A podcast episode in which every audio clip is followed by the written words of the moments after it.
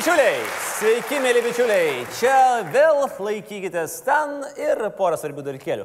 Nepamirškit, gruodžio 18 dieną mes laikomės su jumis Klaipėdos Švyturio arenoje kartu su Justinu Jankievičium, Ingrida Šimonytė, Algiu Ramanausku, Eglė Daugėlaitė, Gitanu Nausėda, Arūno Valinsku ir dar kitais svečiais. Tokio rinkinuko jūs tikrai negalite praleisti.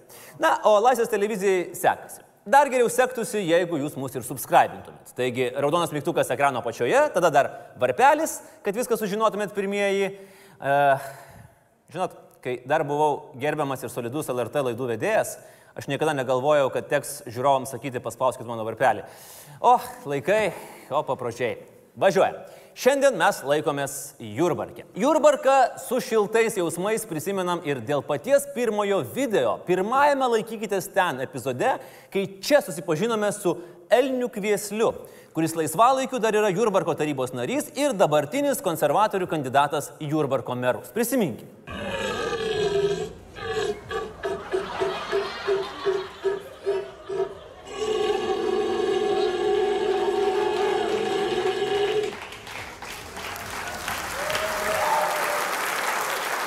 Jeigu jis laimės, aš garantuoju, pergalės švestus rinks visi Jurbarko rajono elniai. Jeigu nelaimės, galės keiktis, eh, elniai griebtų nepaėjo. Jurbarkas dar yra šimtmečio riekės miestas, kuris šiemet buvo patiekta ligoninės pacientams. Ir meras Matskevičius lėkė ginti miesto garbės, ragavo ligoninės maistą ir gyrė, kad labai labai skanus. Ir dar sakė, kad vizitas buvo slaptas, tai niekas negalėjo jam pasiruošti. Nesvarbu, kad oficialioje mero darbo tvarkėje buvo įtraukti pietus ligoninėje, bet buvo labai slaptas vizitas. Beje, Jurbarko valdžios darbo tvarkės yra jėga. Mes peržiūrėjom iš tikrųjų žiauriai kietai viskas. Jie visi arba dirbo su dokumentais, arba tarpusavėje tarėsi darbo klausimais.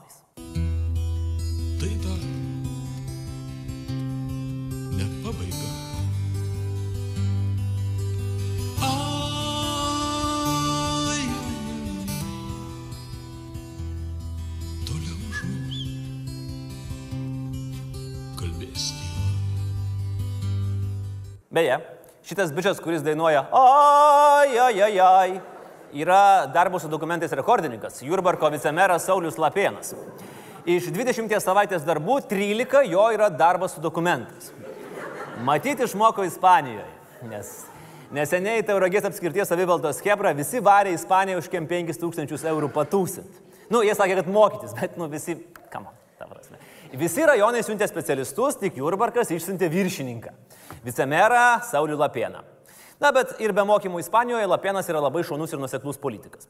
Jis yra pabuvęs liberalu, laikė paksą už rankos sunkiu metu, tada į rinkimus ėjo su darbo partija, po to pasiplovė ir iš darbo partijos ir dabar lakso paskui Jozaitė, viską filmuoja ir pasisako už tautinės vertybės ir prieš žalingą neoliberalizmą. Liberalas. Senovės romėnų poetas Ovidijus apie jį tikrai galėtų parašyti metamorfozių knygos tesinį. Dar yra jokingiau. Vicemeras jau Jurbarko darbiečiams jau tada atrodė toks nečistas. Tai jie paėmė rašytinį jo pasižadėjimą, kad jis neišeis iš frakcijos, o jeigu išeis, tai bus loseris ir padės mandatą. Įsivaizduokit, mokykloje reikalingas lapelis su parašu, kad neteisi į pamokas, o pas darbiečius reikalingas lapelis su parašu, kad neišeisi iš jų. O svetingumo simbolis Jurbarke yra voverė. Jeigu tu nori kažką padaryti Jurbarke, tu turi ateiti su voverė. Pavyzdžiui, vienas pilietis kupinas geriausių norų, tikriausiai kupinas geriausių norų, į Jurbarko savivaldybę atsinešė negyvą voverį. Nu va tokia. Dėd. Tada visiems ją demonstravo ir vėliau įsiveržė į mero kabinetą, bet meras, aišku, nieko nepastebėjo, nes dirbo su dokumentais, kaip žinia. Tai nuo to laiko tarp Jurbarko ekshibicionistų prigijo posakis, nori savo voverę parodysiu. Bet, kam man, kam man. Jurbarkė yra daug gražių dalykų. Apie Panemunės pilis jau nereikia kalbėti, jeigu dar nebuvote Raudonės pilyje ar ant Serečiaus piliakalnio, tai patys kalti, sėskit ir važiuokit dabar, kol orai dar yra geri. Naujoji Jurbarko biblioteka yra viena gražiausių mano matytų ir aktyviausių bibliotekų Lietuvoje. Žinoma, kaip ir visur yra problemų. Pagrindinė Jurbarko bibliotekos problema yra vienas benamis, kuris nuolat prišika bibliotekos kieme. Bibliotekininkai spėja spaudoj. Jie spėja, kad tai gali būti jo protestas. Aš taip įsivaizduoju, ko gero nerado Biblijai paskutinės Hario Poterio dalies, o norėjusi sužinoti, kaip viskas baigsis iki apsišykimo. Kas dar, kas dar, kas dar, kas dar apie Jurbarką? Kas dar? A, Jurbarkas gyrėsi, kad visai netrukus 2300 metais Nemunų kursuos turistiniai laiveliai, o ir šiaip rajono vanduo yra švariausias Lietuvoje. Išskyrus šimkaičius. Ten yra ne kažką, nes arseno kiekis vandenyje viršė visas leistinas normas. Čiū. Tada rajono valdžia sako, blin, staigi nebegeria šito vandens. Šimkaičių gyventojai sako, blin, ačiū, kad pasakėt. Beje, ko gero, ta negyva voverė buvo iš šimkaičių. Ir labai ištroškus. O dabar pasižiūrėkime, kas nutiko mūsų valstybėje šią savaitę. Visi konservatoriai sustojo į eilę ir šoko konga iš to džiaugsmo, kad Šimonytė laimėjo pirminius rinkimus. Šiaip jau tokie rinkimai primena mamas, sakančios savo dukrai, tu pati gražiausia pasaulyje dukrytė. Išgirst malonu, bet nelabai ką tai reiškia. O štai žmonių ambasadorius Ušackas prapylė ir tai yra akivaizdus įrodymas, kad pas konservatorius dauguma yra ne žmonės.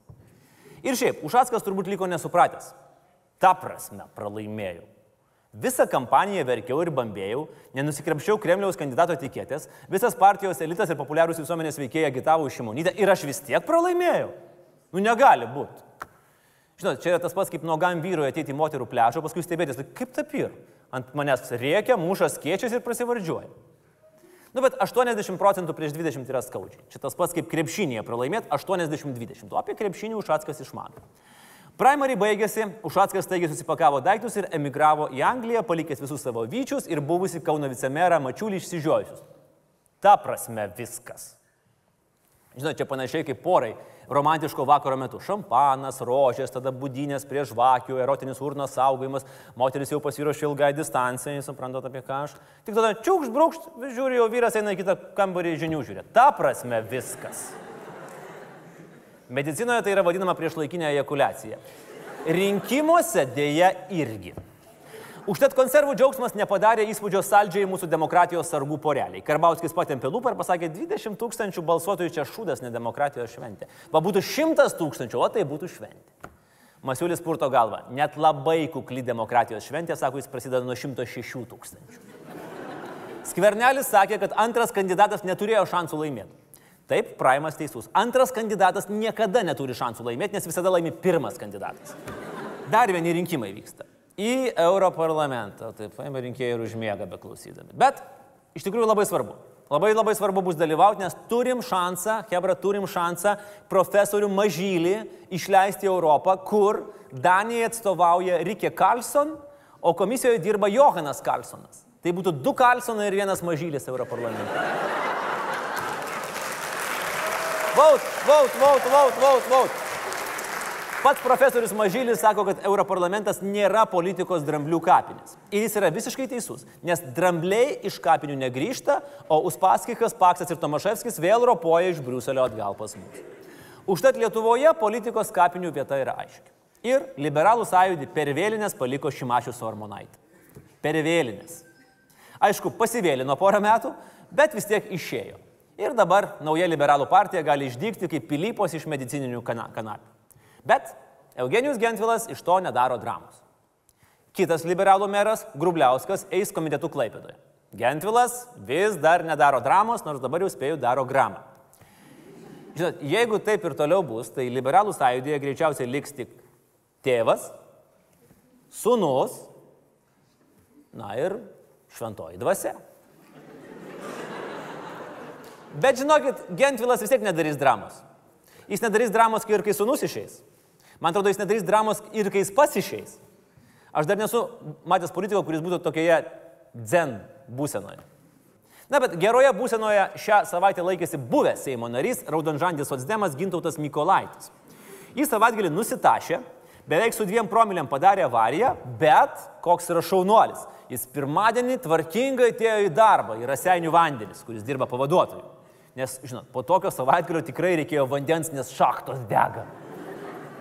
Raseiniuose degė ne tik Mykolaičio šachtos, bet ir Valančiūno Uošvio, buvusio administracijos direktoriaus ir mėgiaus Ačio kepurė. STT jį sulaikė įtarus kišininkavimą. O šeimyna, būtinai turi kažkas sėdėti. Jeigu ne žentas ant soliuko, tai Uošvis areštiniai. Bet aš nesuprantu. Iš tikrųjų, nuoširdžiai. Valančiūnas už metus gauna 16 milijonų, Ačas sodina už 9 tūkstančius. Nu, kyšis kaip kamuolys. Jeigu perdavimas geras, tai rimi. Bet šį kartą perdavimas buvo nevykęs, aš tada perėmė ir dabar jau klausimas, kas užvilps teisėjas. Kaip sako NBA komentatoriai apie šią situaciją. Kicks. JV. The three. Say it with me, Jack. Death. Taxes. And JV's threes. Ir kaip pagalvojai, koks yra skirtumas tarp Toronto Raptors ir Atšo? Raptorių šiemet dar kol kas niekas nesulaikė. Pajūrėje atidaryta gintarinė pirtis iš 3 tonų gintaro. Savininkai sako, unikalus dalykas. Na, žinokit, nieko unikalaus. Gintaras Einikis pajūrėje dar netokią gintarinę pirtį yra užkūręs. Liūdna žinia. Žinių, lyderystės ir socialinių įgūdžių reikalavimusiame konkurse Miss Multiverse Inga Paksaitė Stumbrienė neatstovėjo už Lietuvą.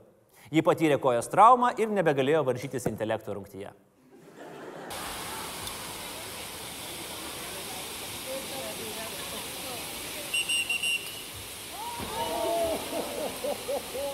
Krito tai grinai kaip tėvas, viens prie vieno, obolys nuo obels. Toliau, dešimt Seimo narių puolė skūstis, kad į jų elektroninį paštą gauna tūkstančius spamo laiškų. Nu, mes pažiūrėjom, nieko ten tokio baisaus. Normaliai targetinti rinkodaros pasiūlymai Lietuvos politikams. Balsuok teisingai ir gauk 106 tūkstančius eurų. To dar nebuvo. Pasiilgink savo kadenciją. Būsto paskolos dėžutėse. Atidaryk dabar. Naujos parlamentinės komisijos laukia tavęs netoliese. Spausk ir sužino kur. Ieškau padėjėjus, Melinakė atsiliep, kestutis. O šiaip žinokit, parlamentas dirba, galiu nuraminti, tikrai viskas gerai, viskas tvarkoja, rūpinasi esminiais valstybės ateities reikalais. Štai Seimo narys Petras Čimbaras, kuris yra darbėtis, bet iš Sotsbebrų frakcijos, šeštą kartą siūlo pataisas, kad šunys Lietuvoje turėtų loti tyliau. Mes Baltijos šalis e, pirmaujam pabaltijai, turim turėdami 700 tūkstančių gyvūnų, tai yra šunų. Tai mes kitose šalyse yra e, daugiau yra vart, e, laikoma kačių, bet kur yra problema? Kitose šalyse gyvūnų laikomas yra reg, reglamentuotas, yra pirkimas, laikymas, pavyzdžiui, ben- bendrijas nusprendžia neįsileisti arba namas pas mus yra šitas niekas nereglamentuota. Tai už tai pas mus, palyginus su kitom šalim, daug, daugiausia laiko šunų, kaip europiečiai laiko kačių, nes tai yra paprastesnis laikymas.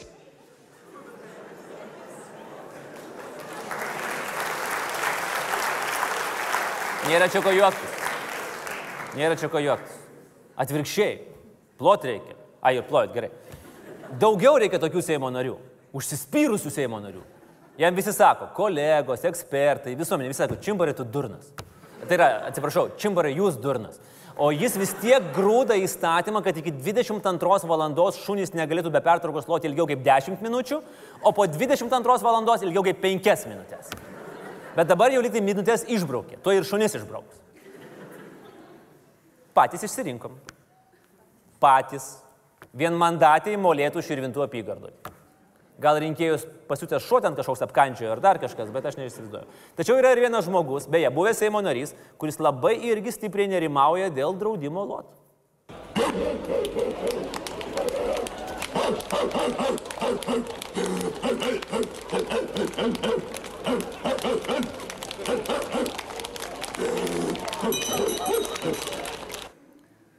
Audrius Takas, ponios ir ponai, praėjusi Seimo kadencija, taip kad negali sakyti, kad Seimas eina tik žemyn. Na, bet jeigu Čimbaras nenusiramins ir toliau progresiniu būdu kiš savo pataisas, galėsim sakyti, kad Seime turim tokį tikrą šunų sysą, kuris irgi nenusiramina niekada. Seimas taip pat nesugebėjo atmesti prezidentės veto dėl dotacijos socialdemokratų darbo partijai. Pritruko trijų balsų ir Kirkilas su bendražygiais dotacijos negaus. Tai va čia, žinokit, bus viena liūdniausių nuotraukų socialdebrokratijos istorijoje. Vynas išgertas, o idėjų, iš kur apmokėti sąskaitas nėra. Ir troškina, kaip Mikolaitė yra senis. Na, o pasaulyje esminė žinia buvo vidurlaikio rinkimai Amerikoje. Ten respublikonai išsaugojo senatą, demokratai perėmė kongresą ir dabar valdžios diskusijos atrodys, aš taip įsivaizduoju, maždaug taip.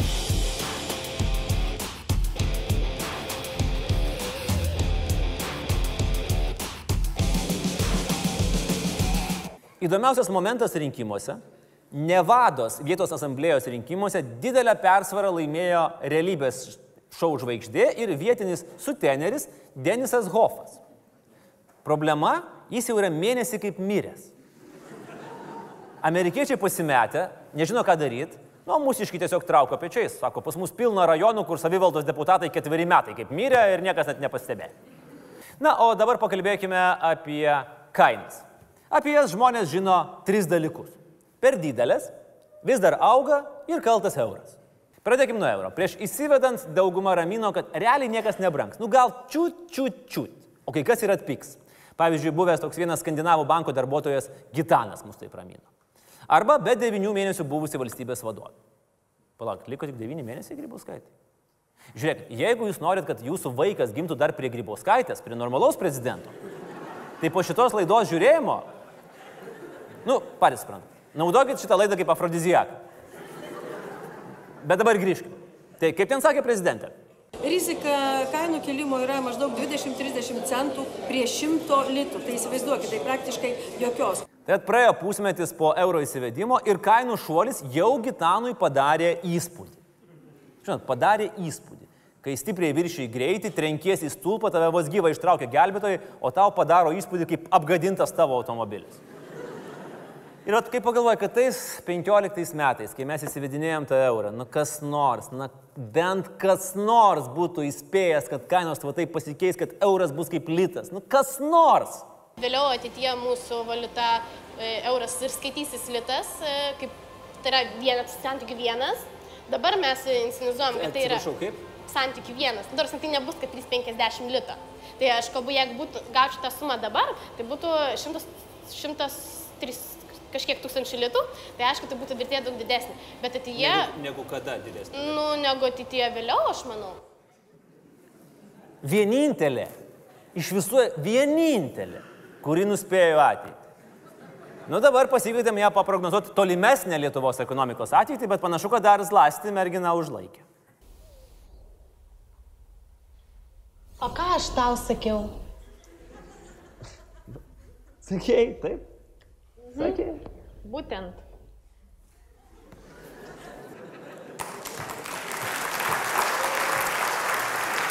Bet nesiblaškykime ir pakalbėkime konkrečiai, kaip ir kiek stipriai keitėsi kainos įvedus eurą. Ir čia jau galima lyginti, kaip sakė Butkevičius, tad palyginkim.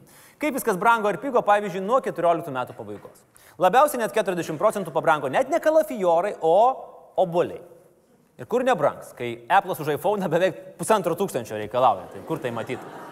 Antroje vietoje sviestas, pabrangęs 35 procentais. Taip kad pieno gamintojams verslas tikrai kaip per sviestą eina. Trečioje vietoje citrinos 28 procentai. Taip kad, mėlyjeji, kai gyvenimas kitas iki jums pasiūlys citrinų, jūs tik nedarykite šių limonado. Geriau palaikykite ir parduosit, kai bus brangiau. Tai bent jau kažką užsidirbsit. Nuo 16 metų kiaušiniai pabrango 22 procentais. Čia jau galima išvelgti valdžios sąmokslą siekiant numalšinti protestus, kai tokios kiaušinių kainos, kas juos mėtys. Bet žiūrėkit, ne viskas taip blogai. Yra ir kas atpigo. Galit netikėti, bet skaičiai nemeluoja. Nuo 14 metų labiausiai atpigo bananai. 40 procentų. Dar ženkliai atpigo cukrus, malta kalakutiena, malta keuliena ir malta kava. Žodžiu, kažkodėl visi malti dalykai. Kažkur čia kažkas rimtai sumalta yra. Bet pati svarbiausia žinia yra ta, kad Lietuvoje įvedus eurą dar labiau neapsimoka mirti. Nuo 16 metų kapo dobės iškasimas pabrango 15 procentų, nuo 163 iki daug. Žodžiu, ką sutaupėt ant bananų, į kapus tikrai nenusinešite. Bet dabar atskirkim priežastis nuo pasiekmių. Kainos prie euro pakilo, bet dar yra daug pasaulinių veiksnių. Kaltinti tik eurą yra tas pats, kas įsivesti namie internetą, gauti laišką iš Nigerijos princo, atiduoti jam visus pinigus ir po to pykt, kad dėl to kaltas interneto įvedimas. Kaip žinote, kainų lyginimų yra sudarinėjami prekių krepšeliai. Nu tai va, tai mūsų statistikos departamentas yra atrinkęs tam tikras prekes, kurių kainas stebi. Ir įdomu, kad kalafijoras niekada nebuvo tame krepšelyje. Bet būtent kalafijoro kaina, paminat, prieš keletą metų sukėlė tokį sujudimą, kuris į istorijos vadovėlius pateks kaip didžioji isterija arba juodoji Marijono Mikutavičiaus ranka. Kadangi kainas reguliuoti pas mus nori ne tik nematoma rinkos ranka, bet ir šiek tiek taukuoti politikų pirštai, mes pagalvojom, kad dar reikalinga mums turėti kitą matą - specialų politikų prekių krepšelį. Ne ta prasme, kad mes politikus sudėjome krepšelį, kaip prekes. Ne, iki tam jau MG Baltikas padarė, iki mūsų jau nebereikia. Ne, mes sudėjom prekes, kurios atitinka mūsų politinės pažiūras. Na, pasižiūrėkim, kas keliauja į krepšelį. Visų pirma, keliauja čia nuo Sotsbebrų partijos. Ir ne dėl to, kad šiukšlių maišas, o dėl to, kad yra tie 19 butelių vyno, kur ir nusipirko, gavę dotaciją ir, kaip žinia, išsiuntė sąskaitą Palūckui. Tai va čia yra nuo socialdemokratų darbo partijos, dar žinomų kaip socdarbiečių, dar žinomų kaip socbebrų, dar žinomų kaip kirkilininkų, dar žinomų kaip outlet partijos ar vynas brangs. Aišku, jie net nepastebės, nes vis tiek jie tikisi, kad mokės Palūckas. Nuo Rolando Pakso į krepšelį kainuoja bintas. Šitas gali brangti, nes rinkimų nusimato daug, o bintą rūkančių politikų gali būti dar daugiau. Vienintelis Remigijaus Šimašiaus indėlis į krepšelį ir į Vilniaus miestą, kurgi jis yra, tai čia turbūt yra labai logiška, kad tai yra tūja. Pusės, na, toks pusės metro tūjo sodinukas. Na, tokiu atveju, jeigu kalbam apie Vilnių, tai turim kalbėti ir apie Kauną. Ir neišvengiamai turi atsirasti toks pat tūjo sodinukas nuo Visvaldo Matijo Šaičio. Tik šį kartą jau tris kartus didesnis. O. Va. Šioje vietoje kainų nupjauti tikriausiai nepavyks, bet pačią tūją vienas ar kitas meras gali pjauti. E, Liberalų sąjūdis, tai čia viskas aišku, jie į krepšelį įdeda daug laidotuvių žvakučių ir po truputėlį jos gesta, gesta, gesta, gesta. Mano patarimas dabar po vėlinių šitos žvakės yra išparduodamos su didelėm nuolaidom. Tai užsipirkite iš anksto ir kai tik tai liberalas nesišeis, užpuskite. Toliau krepšelėje yra tokios marinuoti agurkeliai savaime aišku. Nu, nuo Viktoro, taip. Ir žinot, va, čia tai padėsim, va, žiūrėkit kaip gražiai. Trys buteliai vyno, socbebrų ir ant jų Viktoro agurkai. Marinuotas tai reiškia išmirkytas atste. Reiškia galintis ilgai stovėti sandėliukė prieš išmetant. Nu, tai visiškai kaip darbo partija, viens prie vieno. Nuo žaliųjų ir valstiečių į krepšelį mes dedam padangą. Ir negalvokit, kad dėl to, kad čia žalieji labai teršia gamtą, arba kad čia yra Karbauskio skalado padanga, ir ne dėl to, kad geros padangos padeda stabdant, nes valstiečiai tikrai nestabdo. Ne, tiesiog padangą įsivaizduokit, kad tu uždėjai ją ant stulpo ir gaunasi va tokia gera jau pradžia gandrališčiai. Tai labai vertas dalykas. Irgi. Ne, manau, kad neatsisakytum. Kas dar? Kas čia dar pas mus? O, čia yra asmenukių lasda. Tai čia jau aišku nuo Tevinės sąjungos. Kai visa tavo opozicinė veikla susiveda į juokelius apie premjero akinius, tai nepakenktų dažniau pažiūrėti, kaip tu pats atrodai, žinai. Ir šiaip labai patogus daiktas daryti Instagramo transliacijas, belekaip ir iš belekur. Beje, terminas belekaip ir iš belekur tai reiškia opozicinė veikla. Na, o nuo prezidentės. Kasgi nuo prezidentės į krepšelį? Amžina nekintanti vertybė, kurią į mums paliks ir kurią mes prisiminsime kaip didžiausią jos kadencijos akcentą.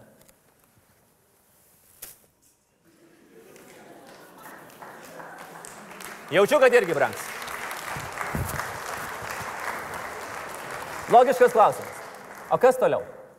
Nepaguosim, tikrai žinokit, brangs. Kitais metais kainos nemažės, kai kurių prekių ir paslaugų kils ir gana drastiškai.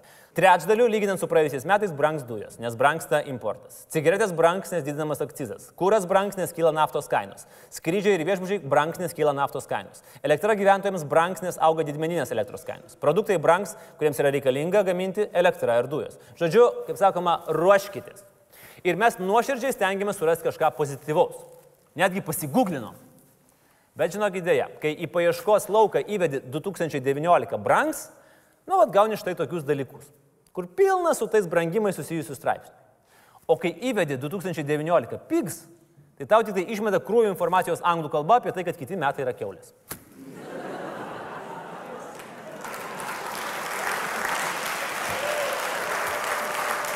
Tačiau, gera žinia. Vyriausybė turi planą kaip pažabot kainas. Ir tas planas prieš porą metų netyčia nutekėjo į viešumą. Nu, kaip Katažina Zvonkovė. Buvo nežinoma, gal nenutekėjo į viešumą. Bet nuo pat tada planas keitėsi. Keitėsi kaip oras rudenį, žodžiu, galiausiai vis tiek jisai užknisa. Na, panalizuokim planą. Yra kelios pagrindinės priemonės. Pirma, Skvernelis žada imtis griežtesnės kovos su Lietuva apraizgiusių priekybos tinklų aštunkojų. Citata. Aš čia matau zoologinės matematikos spragas. Jis sako aštunkojais. Nu, gerai, skaičiuoja. Ką turi? Maksima, Rimi, Iki, Norfa, Lidlas. Tai čia ne aštunkojais monstras. Čia penkiakojais. Ir toks net labiau net ne monstras, o šimkaičių voverė. Su penkiom kojom. Kitas siūlymas, aš cituoju. Išanalizuoti valstybinės žemės esančios prie priekybos tinklų panaudojimą ir pateikti pasiūlymus, kaip efektyviai ją panaudoti. Va čia jau geriau. Aš šiandien paklausiau Maksimos, bet rimtai, paskambinau paklausiau, sakau, kas pas jūs yra ant valstybinės žemės? Jos sako, parkingai. Aš sakau, okei. Okay. Tai vad parkingai bus nušnioti ir penkiakoja monstrų jau darysis nesaldu, kai reikės savo visus šituos maišelius neštis patiems. Toliau, žiūrėkime. Gerai, nušniojo parkingus, valstybė turi aplink prekybos centrus tuščią žemę. Ir reikia kažką daryti, reikia kovoti su tais monstrais. Ką daryti?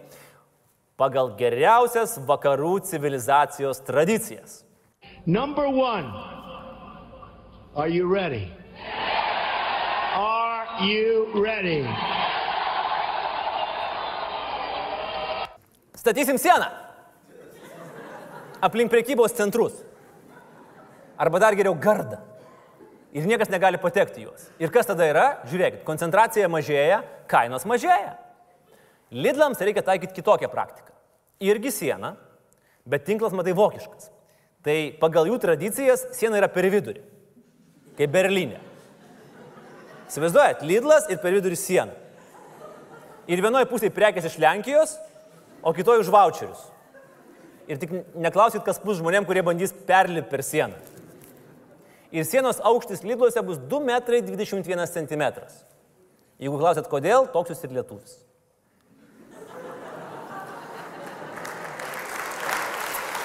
Toliau. Dar ne viskas. Kainos bus mažinamos, skatinant smulkų verslą ir didinant jo rinkos galę. Nu tai įsivaizduokim.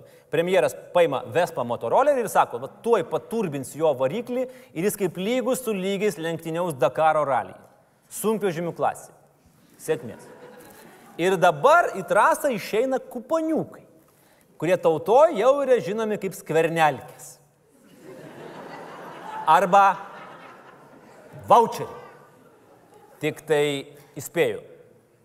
Vau reikia sakyti atskirai ir negarsiai, nes čimbūrai pasirodys, kad šūnis loja. Kaip tai turi veikti? Labai rimtai. Voucheris yra 10 eurų, pavyzdžiui. Tu perki už 7, eini pas ūkininką arba smulkų prekybininką ir apsiperki kaip už 10 eurų. O valstybė kompensuoja 3 eurus. Gerai, kas galės pirkti? Nu, valdžia sako, arba visi, arba tik labai mažas pajamas gaunantis. Iš tikrųjų, pas mus yra sunku atskirti šitos dvi grupės, nes gali, Lietuvoje tu gali gauti minimalkę, bet kieme Bamsas žmonės su kailiniais, o sunus Kembridže. Ok, ką gali pirkti? Tik būtiniausius maisto produktus. Premjero patarėjas Kirmantas Malinauskas sako, kad taip jau nebus, kad turtingi žmonės ateis į mažą kepiklėlę ir nusipirks kruozanų, o valstybė kompensuos. Rimtai. Kruozanų. Kruosanų. Mūsų valdžios krachaborų galvose turto ir statuso simbolis, įkandamas tik beprotiškiams turčiams, yra kruosanas.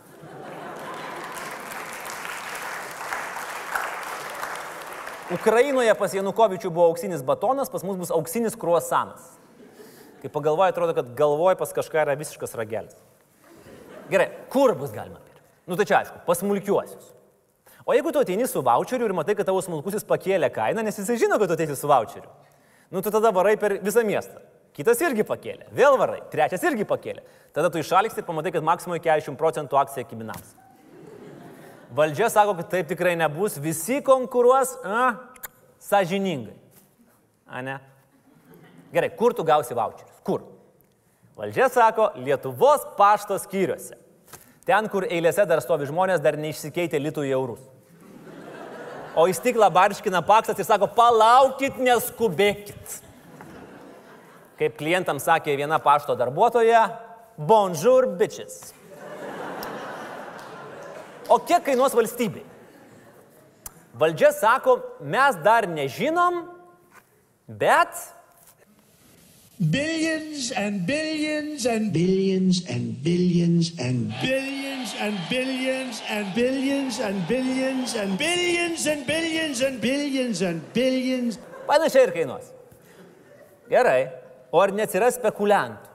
Valdžia sako, kad ne, ne, neatsiras. Laisvės TV jau stovi pasiruošus prie pašto, visas mūsų kolektyvas.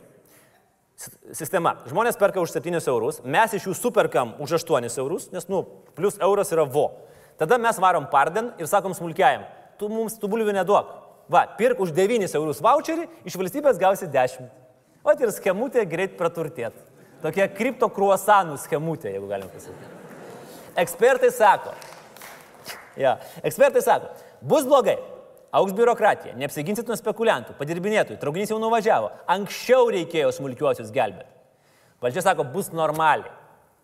Kitaip tariant, planuoja tiesiogiai pirkti mažiausiai pajamų gaunančių žmonių palankumą prieš rinkimus. Jūs nieko nedarykit, neinvestuokit į save, va, imkite 10 eurų voucherius 7 eurus. Nerealiai. Perka balsus rinkimuose už 3 eurus. Ir ne tai, kad duotų savo 3 eurus. Ne, tada turi pridėti savo 7, kad gautum 3. Come on. Mes kalbam apie kainas. Tai galim pasidžiaugti, kad kas kas, bet rinkėjo balsas prieš rinkimus tikrai atpigo. Problema yra ne voucheris. Problema yra, kad kainos taip kyla, kad gelbėti žmonės voucheris yra tas pats, kas žmogui, kuriam granatą nutraukė koją, duoti kert homeopatinį žolelių nuovirį, sakys, bus gerai. Bet jeigu skvernelkės vis dėlto bus, mes siūlytume atspausti jas normaliai, kaip tikrus pinigus, kaip vagnorkės ir kad jie atrodytų taip. Ant vieno euro voucherio, vienoje pusėje skvernelis, kita pusė tuščia, nutrinta, kad nieko nebūtų. Ant dviejų eurų. Vienoje pusėje Ramūnas Karbauskis, kitoje pusėje Pijus iš serialo Naisių vasarą. Naudot galima tą pačią nuotrauką. Toliau, 5 eurų skvernelkė. Vienoje pusėje Agnė Širinskinė, kitoje pusėje Žirgas. Turėjo būti Vytis, bet Karžygys dabar yra iškviestas į laikinąją Seimo komisiją pasiaiškinti, ar nebuvo įmanoma laimėti žalgerio mūšį pigiau.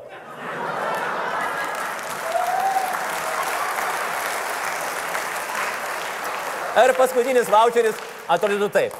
Vienoje pusėje patarėjas Skirmantas Malinauskas, kitoje pusėje patarėjos Skirmanto Malinausko telefono numeris, kad tu jam galėtum tiesiogiai pasiskusti. Na ir paskutinės skvernelkės dizainas atrodo taip. Vienoje pusėje Viktoras Pranskėtis, kitoje pusėje nuogybė, nes kad gėda žiūrėt būtų nepilnamečiai. Toliau, dar ne viskas. Jie dar žada didinti konkurenciją.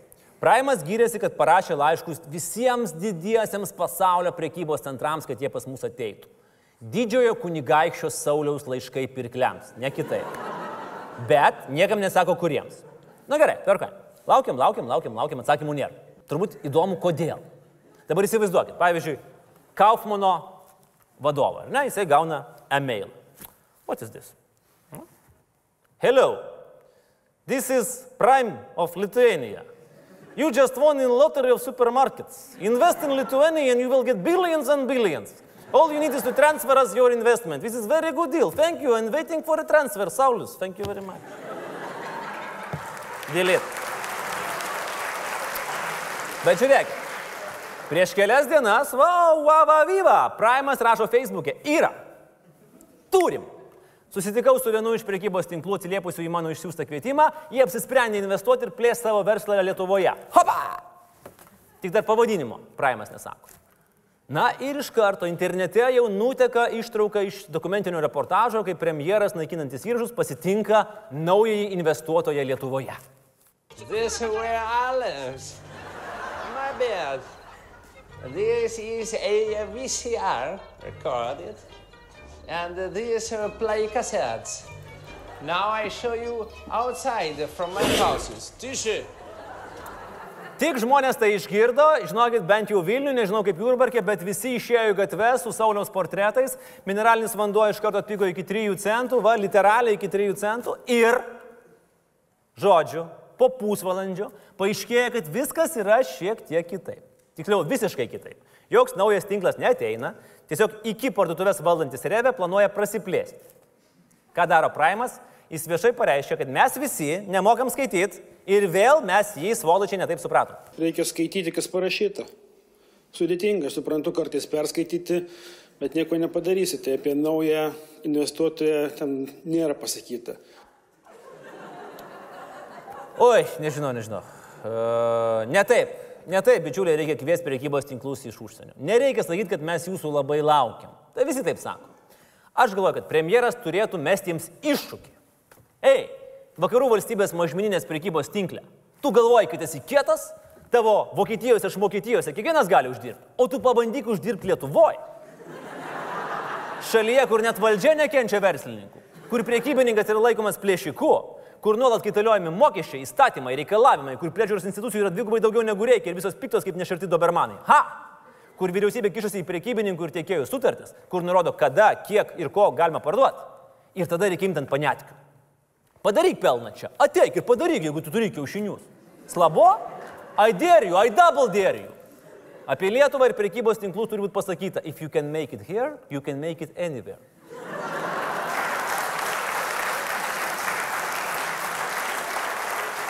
Ir ne tas yra netikras tinklas, kuris negavo krikšto Lietuvoje. Šūkis. Lietuva - paskutinis priekybcentrių krikštytojas. Gerai, važiuojam toliau. Dar pažadėta pagalvoti, kaip mažinti priekybos tinklų koncentraciją regionuose. Ta prasme, premjeras džiaugiasi, kad iki atidarinės daugiau parduotuvių, bet tuo pačiu sako, kad reikia mažinti koncentraciją. Nu, tvarko. Tai mes turim du pasiūlymus. Koncentracija regionuose, nu pavyzdžiui, Jurbarko. Sumažintume, jeigu padidintume regionų skaičių. Paprasta. Skeliam rajonai dvi dalys ir turim dvigubai mažiau priekybcentrių kiekvienam. Galim ir į tris. Įsivaizduokim. Jurbarko rajone, tarkim, yra trys maksimus. Tai darom, kad viena būtų Šiaurės Jurbarko savivaldybei, kita Pietų Jurbarko savivaldybei ir trečia, nu tam Pimpaškiukė, kur vakarų viešvilės savivaldybė galėtų būti. Galite nedėkoti už tokius gerus idėjas. Beje, jeigu kas nors mus žiūrit iš vakarų viešvilės, tai nepamirškit subscribint Laisvės TV kanalo, paspausti varpelį, kad visą informaciją apie maksimų skaičių savo rajone gautumėt pirmieji. Dar žadama padaryti viešą tinklapį, kur būtų surašytos svarbiausios maisto produktų kainos grandinė. Nu, kaip valdžiai sekasi kurti elektroninės sistemas, mes žinom. Nereikia. Aš manau, kad vartotojo kelias turėtų būti irgi nuostabus. Ar patvirtinat, kad nesate robotas? Taip. Ar sutinkat, kad esate varšas ir jums turėtų priklausyti voucheris? Taip. Ar sutinkat, kad netyčia paviešintume visus jūsų asmeninius duomenis? Taip. Ar balsuosit už mus? Ar čia jau automatiškai pažymėta? Gerai, o apskritai kainas laisvoje rinkoje įmanoma suvaldyti?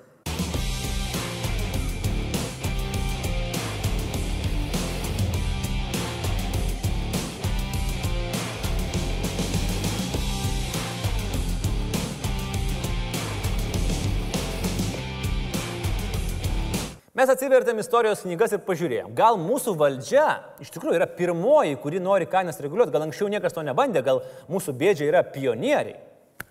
Žinokit, bandė. Trečias amžius prieš mūsų erą. Senovės Egipte faraonas vis griežčiau nustatinėja grūdų supirkimo kainas. Kad valstiečiai nesukčiautų, vis didina inspektorių armijas. Beje, čia ne tie valstiečiai ir ne tie kelių inspektoriai, tai ramiai. Rezultatas - valstiečiai meta fermas ir vėliau eina statyti piramidžių. Trečias amžius po Kristaus. Romos imperatorius Diokletianas nutarė sutvarkyti nuvertėjusią valiutą sidabrinį denarą. Ne, ne eurą įsiveda, o pradeda kalti denarus iš vario. Ir tuo pačiu, kad būtų tvarka, nustato maksimalias kainas. Rezultatas - infliacija maždaug 6000 procentų, atsiranda juodoji rinka, spekulacija ir nestabilumas. 18 amžius. O kaip mes čia taip einam per amžius. Prancūzijos revoliucija. Nauja valdžia priima maksimumo įstatymą. Ne maksimos, o maksimumo. Duona, grūdai ir miltai parduosi brangiau, negu nusita, sudėk vietkelį tu brangiausias.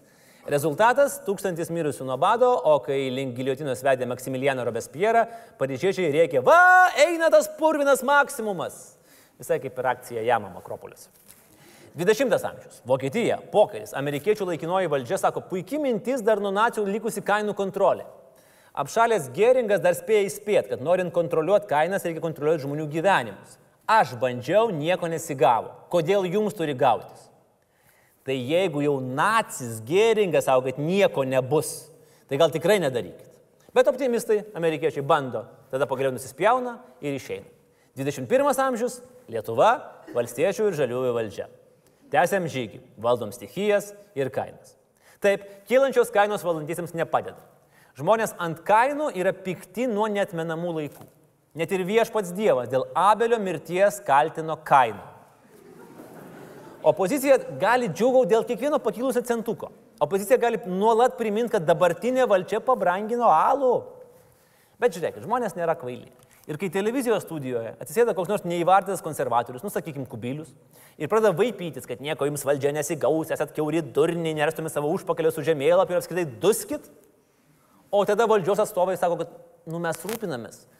Tas mūsų premjeras naikinantis įrašus bent jau bando kažką daryti, kad padėtų žmonėms. Ką prisimins rinkėjai? Ką jie prisimins? Geras klausimas. Tokia jau ta gamta, kad kainos visada auga. Ekonomistai sutarė, kad net nedidelė infliacija yra būtina sveikai ekonomikai. Tad kainos kils ir kitą metą. Ir gal mūsų bebaimiai valdžiai reikėtų skirti šiek tiek mažiau energijos valdyti kainoms, spausintis kvernelkiams, o šiek tiek daugiau rūpintis, kad auktų žmonių perkamoji gale. Gal tai tikrai būtų geriau jaunai mūsų demokratijai. Ačiū klausysiams. Ir tai jau yra viskas mūsų laidoje. Ačiū visiems žiūrėjusiems, ačiū Jurbarko publikai, mes pasimatysime lygiai po savaitės. Ačiū visiems, iki.